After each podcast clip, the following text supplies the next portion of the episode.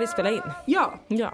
det 99 avsnittet av podcasten Dilan och Och jag vet inte, alltså det är så mycket som händer nu så att jag är ju lite avstängd i känslorna. Ja, men jag också Samtidigt faktiskt. som jag är väldigt påslagen i känslorna. Det låter som en svår kombination. Ja, Jag känner eh, lite samma. ja. Jag känner mig klarsynt men Mm. Trög.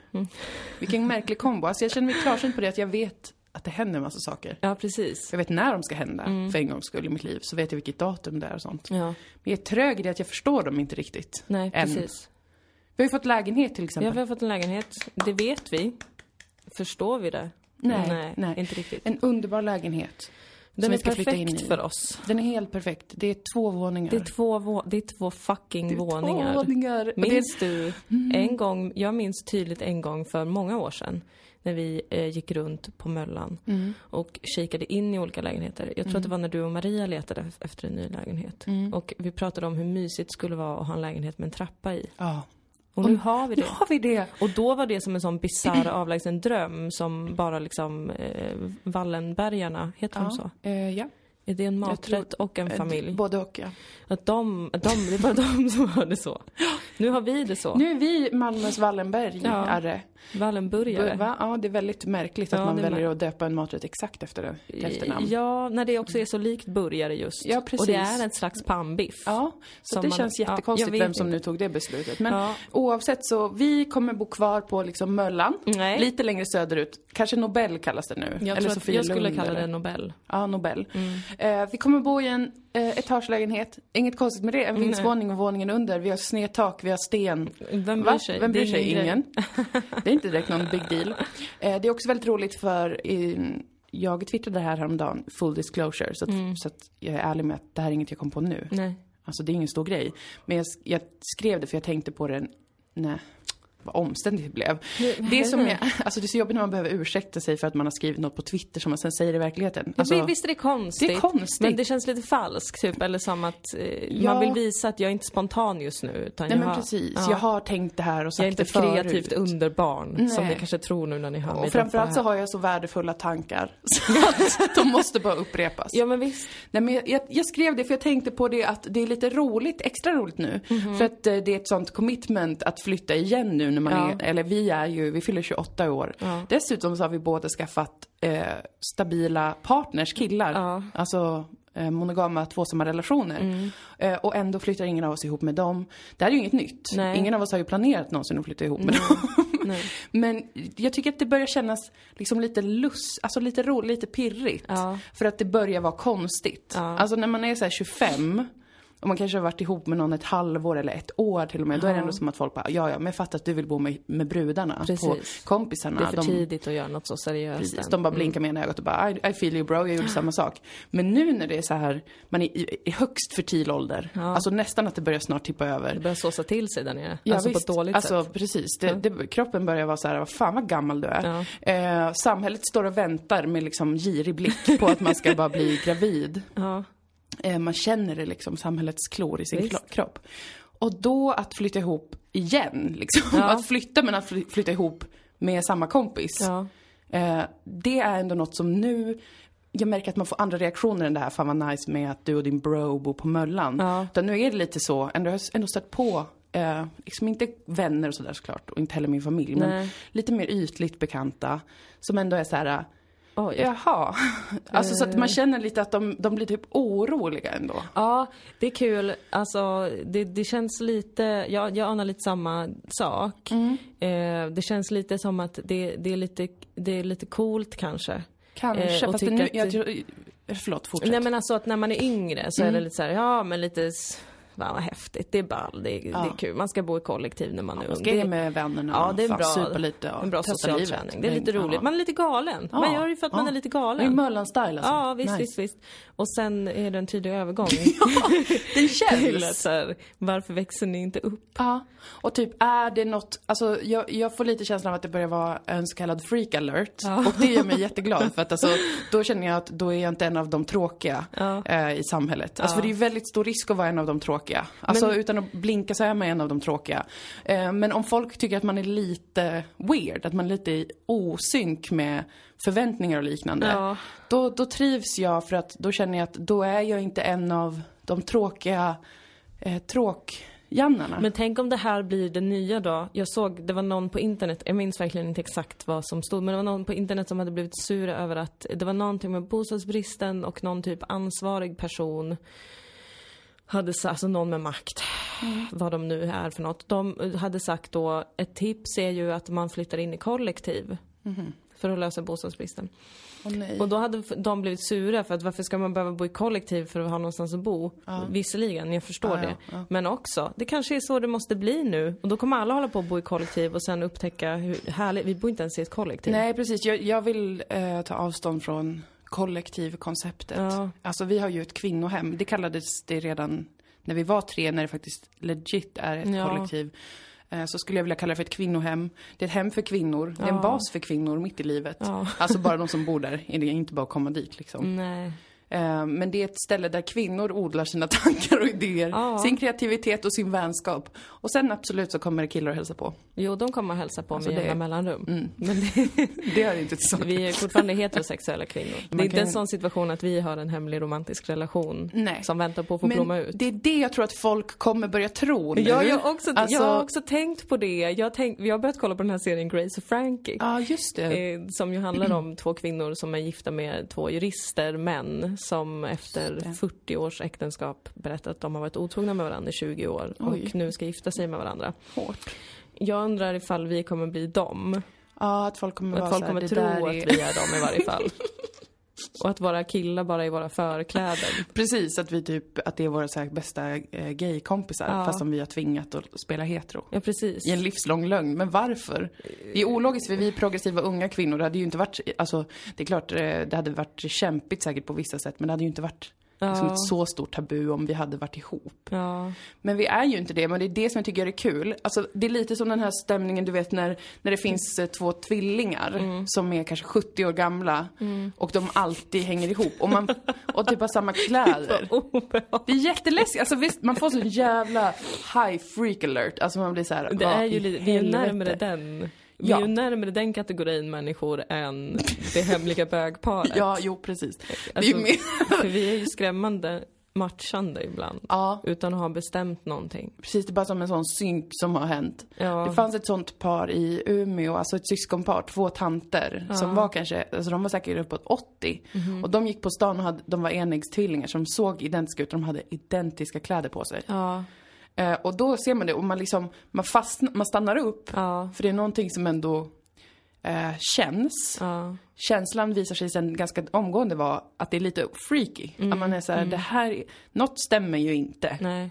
Eh, och jag skulle jättegärna vilja vara den personen. Fast Okej. inte ensam och inte med en tvilling, ett tvillingsyskon. För jag har faktiskt ingen romantiserad bild av det. Jag tycker det verkar ganska jobbigt att vara tvilling. Så Utan med någon som är mer en tvilling eh, kamrat Ja, men kanske. precis. Ja. Mm. ehm, så, att, så att jag uppskattar att det börjar bli lite sån stämning nu kring Mm. att vi ska flytta ihop. Eh, eller flytta tillsammans igen. Vi bor redan ihop. Mm. Men att det börjar vara lite så här, jaha. Okej, jaha, så ni, ni ska inte bo med? Nej, precis. Eller- Alltså jag menar inte att det är något taskigt med att ha den frågan. Jag tycker att det är taskigt. jag blir jätteirriterad. Alltså jag är så trött på det. Att det finns inte ord för det. Ja. Jag bara ser alla de här äh, monogama paren som lever ihop och har ett fruktansvärt liv tillsammans. Ja, ja. Det är min fördom. Alltså då blir jag lite likadan tillbaka. Då tänker jag bara tolka dem som gör på det normala, inom citationstecken normala sättet. Då kommer jag börja tolka dem som freaks. Vilket jag gör. Det är en, det är en stämning jag har odlat Mm. inombords. Mm. Eh, under de senaste åren i varje fall, när jag har märkt hur folk lite höjer på ögonbrynen. Ja. Och att, vuxna människor skulle vilja leva tillsammans utan att vilja vara i varandra regelbundet. Vilket vi inte vill. Nej. Så fuck off med er. Jag skiter väl i om ni tycker det verkar konstigt vi gör. Jag tycker det verkar jättekonstigt det ni gör. Ja. Jag tycker inget av det verkar så värst konstigt. Jag tycker allt är diplomatisk konstigt. igen. Eh, för att, jag vill säga så här. ehm, man är sin egen bästa vän, brukar Ja, jag men, säga. ja. Mm. Eh, och det betyder att Jag brukar inte alls säga det. Men jag bara Nej. tänker på att eh, jag tror att de som blir eh, liksom stressade av själva tanken, det är ju för att de, alltså på att vi bor ihop då. Mm. Och ska fortsätta göra det fastän vi har killar och är i barnafödande ålder. Mm. Det tror jag ju jättemycket är för att antingen för att de själva har någon grej med sitt liv, att de kanske tvivlar på sin situation. Mm. Alltså att man läser, man projicerar sina egna känslor av tvivel på sin livsstil på andra som bryter mot eh, den liksom, idén som man själv har kanske gått med på lite motvilligt. Det tror jag är en alternativet att folk gör. Det andra ehm, tror jag faktiskt är att det kan upplevas, alltså alltid om man lever eller gör på något sätt som kanske bryter mot ändå en norm. För det är det det börjar göra nu mer. Så det bryter mot idén att när man är en kvinna som närmar sig 30 och har en stabil monogam relation och eh, inte har barnen, då är det det som ska hända härnäst. Alltså det finns en jättestark sån idé ju, Ja. av olika skäl. Men, men om man då inte gör det eller inte gör det på det sättet så är det ju också ett lite ändå ett fuck you till att göra så. Även om det inte är ett medvetet, så här, det är inte därför, det är inte på grund av att jag vill så här, sätta dit alla som gör det. Alltså, jag, det är inte därför jag vill leva så här. Men jag tror ändå att ehm, det är ju mm, något som folk kanske upplever är lite så här, vad fan, vad, vad får ni det ifrån att ni ska få göra det? Eh, när jag har, när, när vi hade bestämt att det var så här man skulle göra. Men jag kan tänka mig, alltså jag tycker det är märkligt att, eh, att eh, det blir en sån grej för det känns alltså ändå som att relativt många gör så här. Ja. Det är väl, det är väl liksom... Det är väl inte en skrämmande minoritet som inte lever i en ett heterosexuellt samboskap liksom. Jag vet faktiskt inte, jag har inga siffror på det, men jag tror att det är, ex- jag tror ändå att det är en minoritet som Och du har inte gör inga det. siffror med dig till dagens Nej, jag hade podcast. inte det, jag är jävligt Jag synd. tänkte vi skulle ha en vetenskaplig debatt nämligen. förstår alltså, det, det ja. skulle vara ett fint Ja. sätt att avrunda det här Ja, på. nej men jag har du- inte det, jag har inte det. Nej, du Nej men alltså, inte det. jag, jag har inte, alltså, det är ju verkligen inga som, det är minimala reaktioner. Alltså det, det här är verkligen inte något som är ett problem eller något som är så här, så det här träffar jag på varje dag. Men. Ja, eh, men jag, har märkt inte. en, sån förändring. Ja, men jag, jag, jag tycker mig ha, ha, ha känt av den ett, ett tag. Ja. Ehm, och eh, det stör mig, för jag är trött på att, att ehm, jag tycker det är jobbigt när man behöver hävda någonting som, är så, som känns så himla, himla bra. Mm. Det bara, låt det här vara bra för mig då. Ja. Ska jag behöva förklara? Då kan väl du sätta dig ner och förklara hur fan det var att skaffa barn med din kille och att ni har haft en jättesårad relation jättelänge. Och, ja, förlåt. Jag blir jättefördomsfull. Men alltså, jag tycker alltid undrar- det är kul när man hämnas sådär. Ja, det är, det är lite förlösande är det ju. Ja, det får man göra Eh, ibland. Men jag undrar om det också är lite den aspekten av, för här är en till fördom som jag har som Mm. jag inte tror är en fördom utan som jag tror är ganska sann. Att eh, många ser sin romantiska partner, alltså den fasta partnern Mm. som man kanske känner att det här är något som kommer hålla. Att Mm. den personen ska, det här har vi pratat om mycket innan också, men att den personen ska bli bärare av egentligen alla ens relationer. Ja, Att den ska, det har ju till och med alltså folk sagt rakt ut om sina partners ja. har jag hört eh, i samtal. Att så här, den här fyller alla roller för mig, det är så jävla Just det. bra. Och då undrar jag om, om de som liksom lite rynkar på näsan åt vad vi gör, Mm. gör det för att de tänker, hur kan den kompisen vara den enda personen, eller typ den enda fasta punkten för dig? Mm. Förstår du vad jag menar? Ja, jo men det gör jag. Att ska den kompisen bära allt det ansvaret? Men så lever vi ju inte heller. Nej. Att det är liksom, det är, bara, det är bara du och jag och det är den grunden och sen så finns det andra saker runt omkring som är liksom något som är lite utanför som man kliver ur vår gemenskap för att uppleva. Nej. Så är det ju inte Nej. heller. Nej, vi båda har ju dels eh, familj, blo- blood family, eh, Ja. partners, alltså knullpartners och Mm. livskamrater, vad man nu vill kalla dem. Det var två väldigt olika begrepp. Jo. Och andra väldigt nära vänner, folk som man delar livet med liksom. Allt det är ju, det, det Ja, men som man också verkligen- delar allt med på Ja. något vis. Ja, precis. Och lägger mycket, mycket tid på. Och skitmycket arbete med, liksom. Alltså det är också det som jag tänker med, med då de som tycker att det är lite så här uh, off eller inte fattar vad det skulle vara bra för riktigt. Då kan det ju också vara så här, uh, men det är, det är verkligen mitt det är min bild av ett bra liv. Det är att ha ett väldigt stabilt och tryggt nätverk av människor som jag älskar och som jag själv har eh, fått liksom välja och som har valt mig och som vi som man har lärt känna under lång tid. Och liksom, det är min, eh, då lägger jag jättegärna skitmånga timmar på att sitta och trögla något jättekonstigt Mm. bråk eller någon konstig anspänning. Det är inte som att det är bara för att man har den idealbilden så här, jag vill dela mitt liv med mina vänner Mm. också. Så är det inte bara att det händer. Det, och det är det som jag kan känna blir så här, lite, det kan jag bli lite så irriterad på att människor också kan ha en sån himla tendens att vilja själva läsa in att det då skulle vara något helt annat. Liksom. Att det skulle vara så då, eh, något helt magiskt eller typ något som bara händer eller... Men alltså vi jobbar ju hur mycket som helst på våran relation till exempel. Gud, ja. Alltså det är ju jättemycket som är, som man måste typ avsätta fyra timmar Ja. av en dag för att det är någonting som känns lite off. Alltså det är ju så med, med närrelationer. Det är perioder är det skitsvårt och känns jätteobehagligt typ.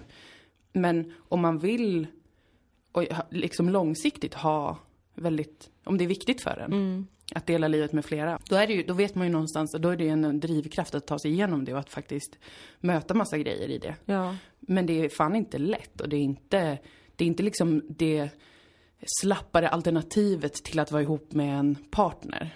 Nej precis, finns det något i det? Att man tänker att det är lite av lathet som man bor Ja. med sina vänner? För eller att man typ har ska vara skön eller något sånt där. Mm, precis. Man vill kunna festa hela tiden. Ja, precis. Och inte typ ta de här vuxna grejerna. Alltså det, det finns en liten sån är kring vissas, ehm, vissas input kring såna här grejer. att liksom, det är inte... Det, det är inte samma sak som liksom, Men också går att man kanske inte tar annat på allvar. Alltså för att det var en sak som jag var orolig för, minns jag.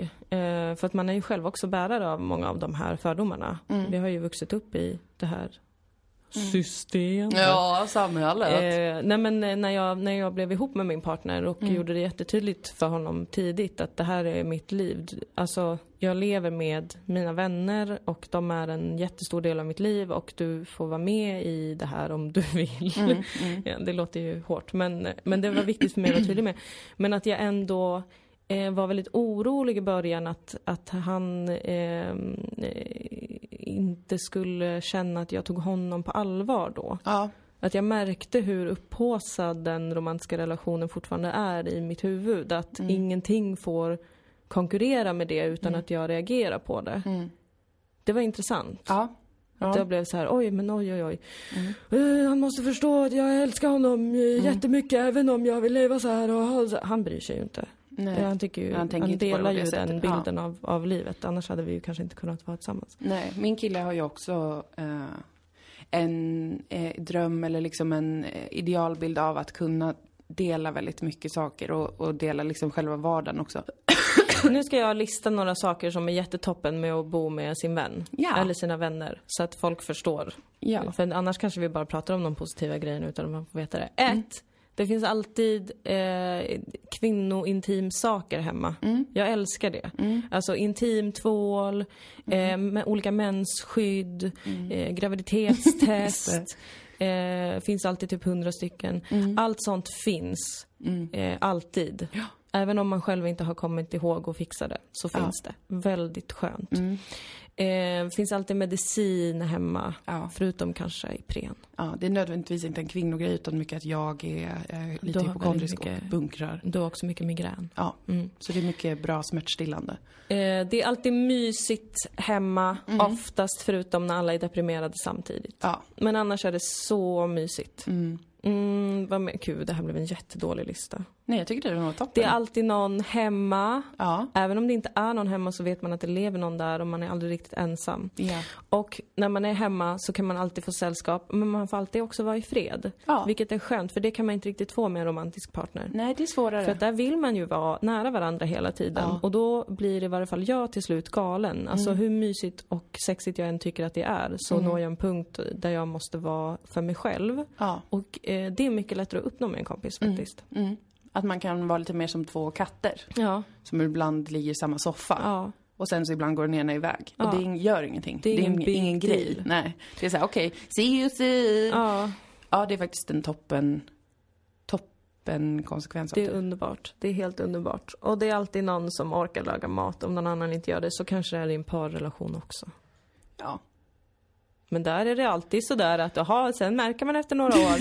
Då har jag, jag gjort mycket mer hushållsarbete än min kille. Helvete! Ja, det var ju jätteirriterande. Måste man göra ett städschema och hålla fy på och så börjar man bråka och så börjar man leta efter ännu djupare fel i relationen. Nej jag skojar, det är säkert jättehärligt. För vissa är det jättebra. Men för många är saker För ju oss jättebra. är det inte så. Och jag skulle önska att, att världen accepterade det mer än vad den gör. Mm. För att ibland blir jag faktiskt jätteirriterad på att folk är så himla instinktivt, oj vad jobbigt det där måste vara. Ja, jag vet. Men folk har mycket att här- deala med själva som de kanske inte förstår handlar om dem. Det är lättare för dem att tänka att det handlar om eh, någon Ja. annans sätt att leva. Så är det ju alltid med människor. Ja. Det är alltid så himla lätt att bara tro hela tiden att det handlar om någon annan fastän det alltid är en själv som vanligt som har något problem. Ja, det är väl därför jag är likadan mot ja så kan det vara. Alltså folk att, som inte eh, lever som jag. Det är mer eh, en hämndaktion, Precis. är det. Det är mer en Det är hämndaktion. mer en Och det tycker jag är kul. Tack. Jag gillar ändå hämnd som tema, jag tycker det är ganska skojigt. Eh, men... men vad var jag tänkte på? Nej men... ehm, mest av allt så kommer det vara jättekul att få bo i en jättefin lägenhet. Ja. Och också tänkte jag på, det handlar mer om någonting som jag vill, någonting som du vill, än någonting man inte vill. Alltså, Mm. det handlar inte om att så här, jag vill inte det där, eller jag vill inte bo med min kille så, eller bla bla. Eh, det, det finns där, men det är inte det primära skälet. Det primära skälet är att jag ser jättemånga fördelar. Även om det är tungt i perioder och man måste jobba på det. Så ser jag jättemycket fördelar kortsiktigt och långsiktigt med att bo tillsammans och dela liksom vardagen. Eh, och eh, ha nära vänner som en del av sin familj liksom. Jag Så är så genuint lycklig över det. Ja, jag med. Alltså, för jag tänker mycket på det att, och som jag har sagt till dig också, att liksom när jag var yngre så var det, det, var min drömbild av framtiden. Ja. Att få leva med vänner och bygga ett eget litet liv med egna regler. Mm. Och nu Ja, gör visst. jag det. Ja. Och det känns så jävla ballt. Jag visste, alltså jag trodde nog inte ens det var möjligt när jag var Nej. liten. Att man liksom skulle kunna få eh, äta popcorn varje kväll Ja. eh, med sin kompis. Och sen när jag blev lite äldre, alltså typ ung vuxen, ja men typ 19-20, när man börjar kanske tänka lite. Mm. Då börjar jag ju gå in mer i så här, ja ja, men det man ska hitta the one och Mm. leva resten av sitt liv tillsammans. Och det, det är väl kanske så man ska göra. Och sen flyttade jag in mer och insåg att det går visst. Mm. Det går jättebra. Eller det är mycket som Man sagt. måste ju anstränga sig ansträngning såklart. också. Men... Och man måste vara jättetydlig mm. och noga och, och prata och känna och allt det där. Men det går ju. Mm. Ja. Det är jättekul. Vad härligt Ja. det är. Det är så Ja. härligt att leva. Jag tycker mitt liv är underbart. Jag är med, jag är superlycklig över det. Mm. Verkligen. Och det känns som en sån himla stor bit falla på plats nu när man slipper leta bostad. Ja. Är För det var en sån jobbig, lång, utdragen grej med det där. Men det var för att den perfekta väntade runt Ja. hörnet! Jävla mysigt.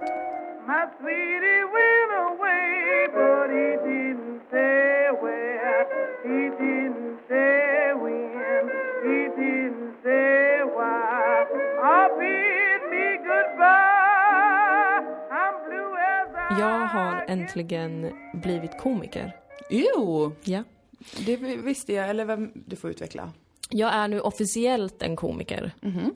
Eh, för att, av två skäl. Mm. Ett, jag har gått ner mig utseendemässigt. Alltså något djävulskt. Jag har Eh, pågat om det så mycket, men jag hänvisar det till att du har en självförtroendesvacka. nej men jag tror också att det är att jag liksom äntligen har fått ja, jag har äntligen fattat hur man blir komiker. För det är något som jag liksom under alla mina år har varit såhär, jag är ingen riktig komiker riktigt. Mhm. Jag, har inte, jag är inte samma. Okej. Jag är någon liten fake som ska vara med här. Men nu har jag äntligen förstått kulturen. Ja, Jag har alltid på mig en ful skrynklig skjorta när jag tror Mm. att jag är fin. Mhm. Eh, bara så här, bry mig inte om hur jag ser ut eller vad jag har på mig. Nej.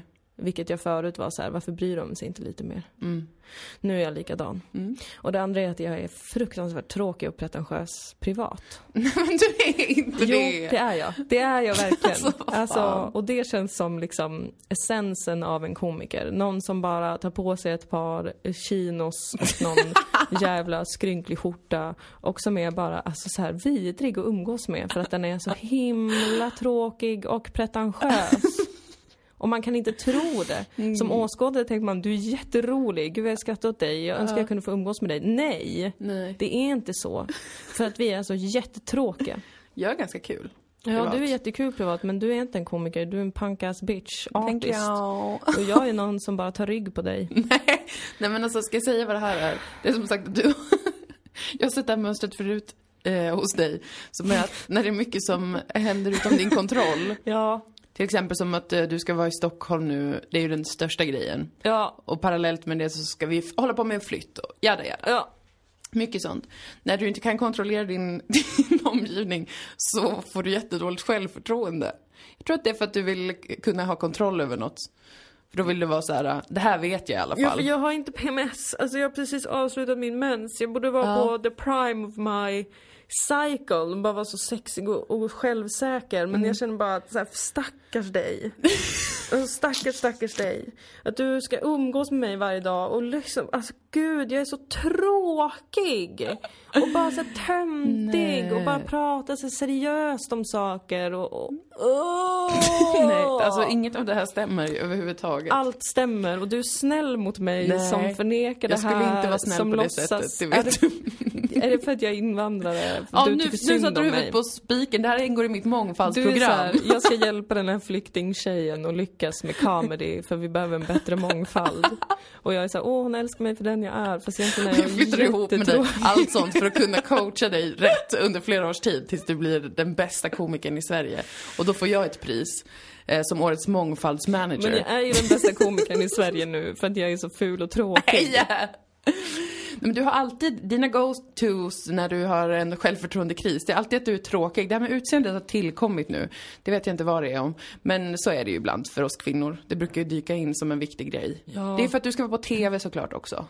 Du hållit på att prata om det hur du inte får bita på naglarna fastän du vill det för att du ska vara med på TV. Jag får ju inte det, för då Nej. kommer barnen se det och så kommer de vara Ja. så här, åh det är okej att bita på naglarna, men det är inte det, det är neurotiskt, det skvallrar ju om någonting i din själ, du ska inte göra så. Men jag tror, vet du, att, att det här är...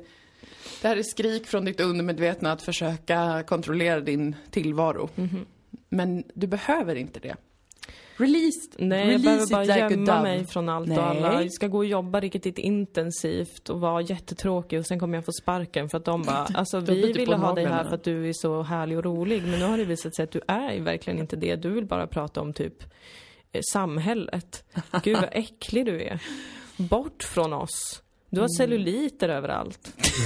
ja, det har jag. Säg inte så om min kompis. Det är sant. Säg det är inte så sant. faktiskt. Ja, det är inte Jag har snällt. väldigt mycket celluliter. Nej men det var inte det jag menade. men du får inte säga så. Nej men alltså det är något som jag annars tycker är lite skoj, men som jag nu i min självförtroendesvacka tycker är något jag kan nämna. För att må dåligt över. Och jag mår dåligt över det, jag tänker på det nu. Jag tänker på varför tränar jag inte mer? Alltså jag har tid att träna. Det här är så Varför mycket, det här är det? så mycket äh, ångesthantering, kontroll. Jag vill vara en sån sexig kvinna som bara är fine med att så här, inte äta godis flera dagar i veckan. alltså kunna känna det att så här, det är helt normalt för mig att äta en, en morotsdipp Nej men för guds. För att det är fortfarande gott men det är lite nyttigare. Förstår du vad jag menar? Jag förstår för jag har varit där du, där du är nu. Jag Mm. har varit i den förvirrade brunnen. som är, som är eh, liksom en brunn fylld av självhat. Ja. Eh, men det är intressant tycker jag. Försök att vara, bli observerad. Jag har börjat med meditation igen. Ja, vad Jag har bara kul. gjort det en gång. Ja. Men en specifik meditation mot ångest och Ja. oro. För det är det jag håller på att battla rätt mycket då, Ja. i min vardag. Eh, Men då så, eh, i meditation, då handlar det hela tiden om att försöka kliva utanför sina känslor och observera dem istället för att ta del och reagera på dem. För när du försöker komma på vad du borde vara istället eller hur du borde se ut eller allt det här, då försöker du liksom delta i känslorna. Alltså du försöker göra något av dem. Ja. Men det finns inget du kan göra av dem för att de, de stämmer liksom. Alltså det är ingenting som har hänt. Det är du som har byggt den eh, brunnen som sagt, en jättevacker liknelse. Alltså jag är rädd för att mitt liv är förstört. jag vet. Det är vad jag, Ja. vad jag eh, går runt och tänker på just nu. Du upplever ett stort kaos och vi vet ju båda att det har att göra med ditt eh, nu kommande, din kommande tillvaro under tre månader Ja. i Stockholm, där du ska jobba. Vi vet ju att det är en stor sak. Ja, Ja. Så det är naturligtvis så. Jag vill inte säga att något är naturligt. så jag förlåt att jag det. gnäller så mycket över det här också. Men jag det är tycker inte det är gnäll. och ett jävla gnäll. Jo, det är det. Eh, nej, men det, jag tycker inte du har pratat så mycket alls om det. Du pratar mest så här. på liksom metanivån. För du är liksom en sån trollkonstnär med din, med din ångest. Att du liksom lyckas trolla fram en bild av att du har pågått jättemycket om det. Men du har kanske sagt det en gång. Det är också det som gör mig till en komiker, att jag framstår som en person som inte har någon ångest. Att jag är lite cynisk, fast jag på insidan alltså är en, en vildsint, eh, ångestpelikan som Ja, flyger omkring det var en vacker mig. liknelse. Och fångar upp mer och mer saker i sin näbb. Att Gud, ha vad bra. ångest över. Men det var vackert, det kom till mig nu faktiskt. Det här har jag inte twittrat om innan. Shit. Mm. Jag blev verkligen mind blown Ja. av den inre bilden. En ångestpelikan. Ehm, ja, men, men jag tror, jag tror på eh, meditation ja. i det avseendet. Att eh, va, försöka bli mindre reaktiv. Du, Mm. du, du får vara snällare mot dig själv. Du får försöka observera att allt det här är oro. Det är inte, det är inte oproportionerligt. Det är proportionerligt sett till vilken liksom stor förändring det kommer vara. Plus att Stockholm är en plats som är komplicerad. Plus att vara på TV är nervöst. Plus att vara på en ny arbetsplats är jättenervöst. Tänk Massa om de människor. hatar mig. Precis, alla sådana tvivel. Men de kan få vara i sig själva. Och så blir det tre månader av varför i helvete tog ni upp den här jävla tomten från Malmö? alltså vi hade kunnat ha vem som helst i Stockholm som hade gjort det här bra. Nej, ingen kan jobba där. Alltså ingen i Stockholm kan jobba. Så att de kommer vara... Alltså du, jag, det finns inget tvivel i hela mitt huvud om och att det sen inte kommer skulle jag bli komma bra. Mm. hem. Och då kommer du vara så här, du jag har tänkt på en grej, det känns som att det är ganska jobbigt att bo så här. Nej. Så här två kompisar bor ihop och när du har varit borta så har jag hängt så mycket med min kille och ja men jag har blivit gravid och jag vill inte uppfostra det barnet med dig. Jag ser inte att du är en, en bra medförälder utan jag kommer ta det här med min kille och Nej. vi kommer flytta till Slottstaden faktiskt. Nej! Det får aldrig hända. Det kommer inte hända. Sluta Nej. lura in mig i dina, dina ångestskogar. Det är så här man gör vet du. Villar in. Försöker få mig att bekräfta din fruktansvärda världsbild. Jag den är vägrar. fruktansvärd verkligen. Ja. Men det, ska, det kommer gå över. Jag tror att det blir jättebra bara att komma iväg nu. Jag tror, Alltså, också, jag tror verkligen du behöver det. Det är nästan som att jag vill sparka ut dig Ja. ur boet. Ja, Eh, och imorgon ska du ju åka upp. jättetidigt. Ja. Det ska börja Och jättetidigt. eh, jag, jag vill liksom som en sån eh, lejonmamma vill jag bara med en stor varm tass bara putta iväg dig. Ja. Och säga så, nu går du. Gå Simba. Gå Vi Simba. möts igen. Så kom Jag vi hem. stannar här. Då har Scar tagit över. Nej! Våldtagit dig. Nej. Och alla kvinnor Jävla i skar. min stam. Jag skulle döda honom innan han göra det. Ja, du jag är, är starkare inte, än honom. du är inte som Sarabi. Nej, nej, nej. Hon är en jävla pushover. Fy fan. I'm not. Oj, victim blaming. Men allt kan hända i terapins värld. Ja, det är sant. Okej, förlåt. Nu ska jag sluta. Mm. Det är... Det kommer bli top notch. Och oss kan man följa. jag, jag uppdaterar ju inte sociala medier längre Nej. heller. Jag finns på Instagram, jag heter Målund. Du heter Dillepille. Jag kanske kommer tillbaka till Instagram när Mm. min otroliga ångest har lagt sig över att jag är alltså en äcklig, äcklig människa. Nej. Men eh, då kanske jag lägger upp någonting. Ja. När det har gått över, som sagt. Ja, men det kommer gå över ungefär kanske eh, när du besöker din nya arbetsplats. Eller besöker. Dagen, din första dag, jobbdag Ja. kommer det gå över. Ja. Då kommer du ha jättekul, du är jättebra på att hantera människor, du är jättebra på ditt jobb, du är superrolig, supercharmig, alla älskar att jobba med dig. Så kommer du förstå det återigen och så kommer du vara så här. Men för att jag Fan är, vilken gnällbitch jag jag är var. kul utan att vara kul på riktigt. Nej, tror jag att det det. är för att Nej. folk gillar att jobba med mig. För att det är så här, ja, hon är typ rolig men det är inget som är liksom jobbigt eller farligt eller sådär. Nej, det... Samtidigt som jag är jätterädd för att allt jag säger ska bli anmält. Alltså eftersom att jag ska jobba med barnprogram. Jag är väldigt rädd för föräldrar. Ja, just det. Jag är rädd att de ska liksom, nu sa hon sådär så hon är satans hantlangare. Men är du verkligen rädd för det? Det låter också som en Jag är Alltså- lite rädd för dem. Lite men inte så tror jag inte. Nej. Du kommer ha en redaktion bakom dig och ni kommer ju inte improvisera massa grejer. Utan det kommer ju vara manusbundet.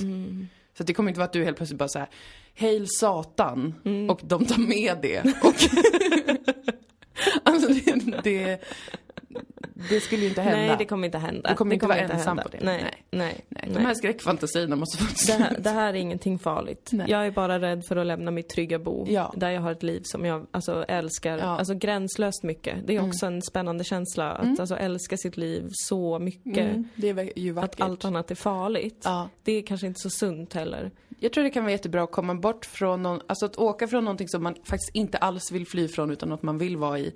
Eh, och sen få känna att man kan komma tillbaka till det. Ja. För du vill ju inte, du vill ju inte bli bunden av kärleken utan du vill bli Nej. mer fri. Ja, Det, är vill sant. vi alla. Ja. Eh, Och nu ska du vara en fri liten fågel som flyger till Stockholm och tjänar Ja. in många pengar. Ja. Och cred bland små barn. Ja. Som kommer minnas dig när de blir vuxna. Det Kommer, när du är 50 kommer komma någon så här. Dilan! Ja. Åh, jag såg dig när jag gick, när jag gick i fyran. Gud underbart. Mm. Det kommer passa dig perfekt. Eller så kommer jag vara någon sån nedgången äckling. Nej! Alltså alkistant då. a lost sheep and I can't sleep, but I keep trying to forget my traveling papa has left his mama all alone. Sista ordinarie kan man väl säga Dilan och Moa-avsnittet är ju det här. Vi minns tillbaka. Många höjdaravsnitt Ja. av de här hundra. Ja. Ehm, hur mer minns man tillbaka? Vi har ju inte minst tillbaka, kom jag på, eh, till Valpodden. Just det. Valpodden som inte handlade om ett politiskt val utan om När vi bokstavliga åkte på, valar. och kollade på valar på, Ja. i Norge. Mm. Det hjälpte ni oss att göra, kära lyssnare. Ni donerade pengar via Patreon. Vi tog de pengarna. Vi tog även av våra egna pengar. Ja. Och gjorde en tågresa på cirka 30 timmar. till Lofoten i nordligaste Norge. Vi, Alltså när jag hör det sammanfattas låter det som något en psyksjuk människa skulle göra. det är imponerande att vi gjorde det. Vi Det bodde var i så en mysigt! stuga. OMG i Allt Henningsväv. luktade kiss. Det tyckte inte jag, men du har väldigt bra luktsinne. Alltså jag har så bra Det, luktsinne. bara, det luktar kiss i den här stugan. Jag och min kille bara, va? Nej. Alltså igår var jag, när jag skulle gå och lägga mig, så var jag på toaletten och sen kom jag ut i lägenheten igen. Och då kände jag exakt alla dofter av vad som hade hänt där under kvällen. jag blev drabbad av mitt eget luktsinne. Wow. Att jag var så här, jag kände doften av både rödvin och bubbel, jag kände doften av alkohol, jag kände doften av cigarett, jag kände doften av eh, citronpastan som Men jag gud, lagat för drömhem? Jag kände doften av hundens äckliga Ja, öronmedicin äckligt. som luktar svagt jordgubbskemikalier. Jag kände Mm. doften av hårklippning. Ja, jag klippte Marias hår. Du klippte Mariens hår. Det var en underbar tjejkväll faktiskt. Ja, det var jättemysigt. det var jättehärligt. Mm. Men tillbaka till Lofoten. Ja, Eh, just det, vi förföljde valen Glenn. en kaskelottval som var född 89 eller något. Ja. Var lite Eh, äldre än oss. Så vi åkte på en jättestor båt. Mm. Eh, han var tiotusentals kilometer framför oss tydligen. Och vi stannade upp varje gång han stannade upp för att fånga mat. och när han var klar åkte vi vidare. Det är jävla varmt du Nu är det satans varmt. Vi har riktigt tur med vädret. Men vi, vi, nu ska vi snart gå på. Spelar vi in mer när vi är där ute? Andas gumman, jag kan ta micken Ja. så kan du få bara andas. Moa är helt... Det är otroligt alltså. Dilan. Moa, vi är ute på båten. ja. Och vi har just sett Glenn. Glenn ja. En Eh, knölval. Spermaval. Va, var det en Nej, knölval? nej, nej. Kaskelott. Kaskelott ja. En kaskelottval. Jag, jag är för exalterad. Jag blandar ihop dem också hela tiden. Ja, Men knölvalen är ju bara här på vintern nästan. ja precis. Det gör mig ledsen för att jag tror att knölvalen är kanske min favoritval om jag ska vara ärlig. Men Vi såg alltså en kaskelott som heter Glenn. Ja. Det är inget konstigt Nej. att en kaskelott heter så. Det är självklart inget konstigt med det. Och eh, nu ligger vi och puttrar här. Kaptenen är försvunnen. Så att eh, ingen vet riktigt. Han har gått iväg, Geijer heter han. Ja. Eh, han. Det var inte han som kom upp på trappan nu nej. Nej. Så att eh, alla är väldigt, det är väldigt konstig stämning på båten. Ja, det var som när vi, när, de lyssnade via ekolod och så var det som att när, när de hörde att det var, då, då sakta de, stängde de av motorerna och sen blev alla tysta och började liksom viska lite. Ja. Och det tyckte jag kändes som att underskatta valars intelligens lite grann. Ja för att Glenn vet ju att Glenn vet. Och här under oss så finns ett helt, ett helt rike. Men det är så sinnessjukt mycket vatten under oss just Det är nu. så jag kan inte riktigt hantera hur otroligt mycket massa Men jag det vet. som vi flyter runt på. Och vad finns där under? Ja, Alltså allt så möjligt. mycket. Nu smyger vi på här. Vad är det ens vi letar efter nu? Jag förstår ingenting. Jag, förstår Alltså ingenting. valar. jag har inte förstått någonting av hela den här dagen. Alla bara droppar fakta som de har lärt sig under dagen. Och jag bara ja, håller med. Ja, har men du, inte ser hört ju, du någonting. ser ju att kaptenen har på sig ett par stora hörlurar. Det är inte att han står och lyssnar på musik utan han lyssnar ju på, på valarnas klickljud. Varför kan inte jag säga valarnas? Jag tror att han lyssnar på musik för han verkar jävligt skön. Jag tror Ja. inte han behöver ekolod för att hitta dem där. Han vet vilka de är. De vet vilka, vem han är. Det är Glenn. Nej, han heter inte Glenn. Han heter Geir. Ja, Ja. han heter Gay, men det är väldigt likt Glenn. Det är mycket som händer och Ja. jag, jag känner som att mitt fokus är ju med valarna så att säga. Jag var så rörd. Ja, det var jätterörd. Det var underbart och det var så vackert i Lofoten.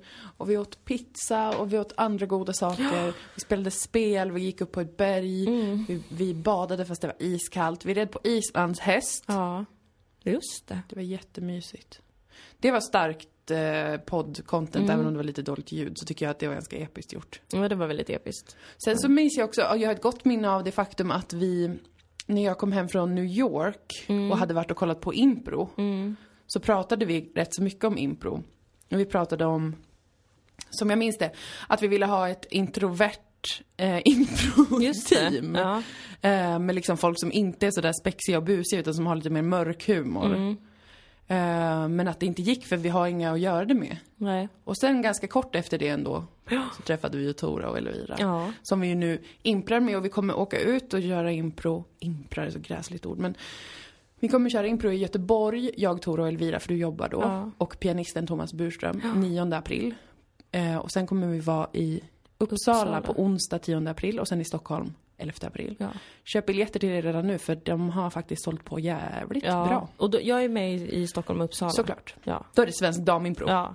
Nej men det minns jag som en så här. um, ja, att uh, impron fanns ju inte. Nej. Det fanns inte att eh, gå på, det fanns inte, alltså i Malmö då. Mm. I Stockholm finns det väl något men inget som jag liksom hade fått, ingen som sa typ det här är kul. Alltså, inget sånt.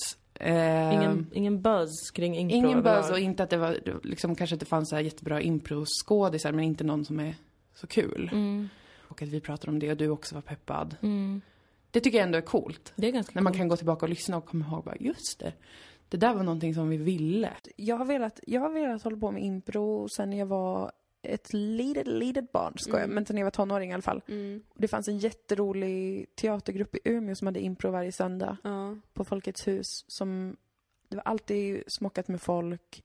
Det var alltid så jävla, jävla kul. Ja. Eh, och sen dess har jag velat hålla på med det, men jag gick typ en så kurs på Stockholms universitet. Det jag minns från det var att det var en man som hade en hatt som var lärare och sen så sa han, om ni undrar varför jag har hatt så är det för att jag har ett hål i huvudet under det. Sa han. Var det ett skämt? Nej, utan han hade någon slags, så här, du vet att det inte var skalle över hela, eller något sånt. Jaha, ja. Så han hade liksom, att han hade hatt då, för att man inte skulle se det. Det är det jag minns, och sen minns jag att det var jättetråkigt och pinsamt att vara med Men där. förlåt, du gick alltså en improkurs på Stockholms universitet? Ja, jag, jag försökte, först så gick jag på Stockholms improvisationsteater, men då mådde jag så fruktansvärt dåligt. Gud vad Mhm. hemskt jag tyckte att det var. Massa främlingar och jag som skulle Mm. liksom skoja och spexa och min integritetszon var så kränkt Ja. att jag liksom gick, jag haltade hem för jag var så sårad över att det hade stått massa människor för nära mig och, och försökt skämta med mig.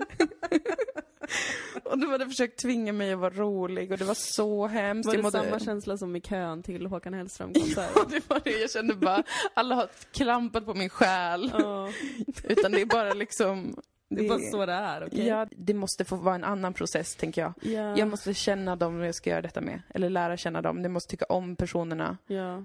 Eh, ha samma humor. Ta det lugnt. Inget att man direkt ska liksom hålla på och göra en sån där vidrig övning när man faller i varandras armar och någon ska spela Ja, luftgitarr eller något jävla helvete. helvete. Och jag tänker inte, jag håller inte på att spexa på det sättet. Jag Nej. tänker inte liksom tvingas gå upp och låtsas vara eh, någon jävla rockgitarrist Nej.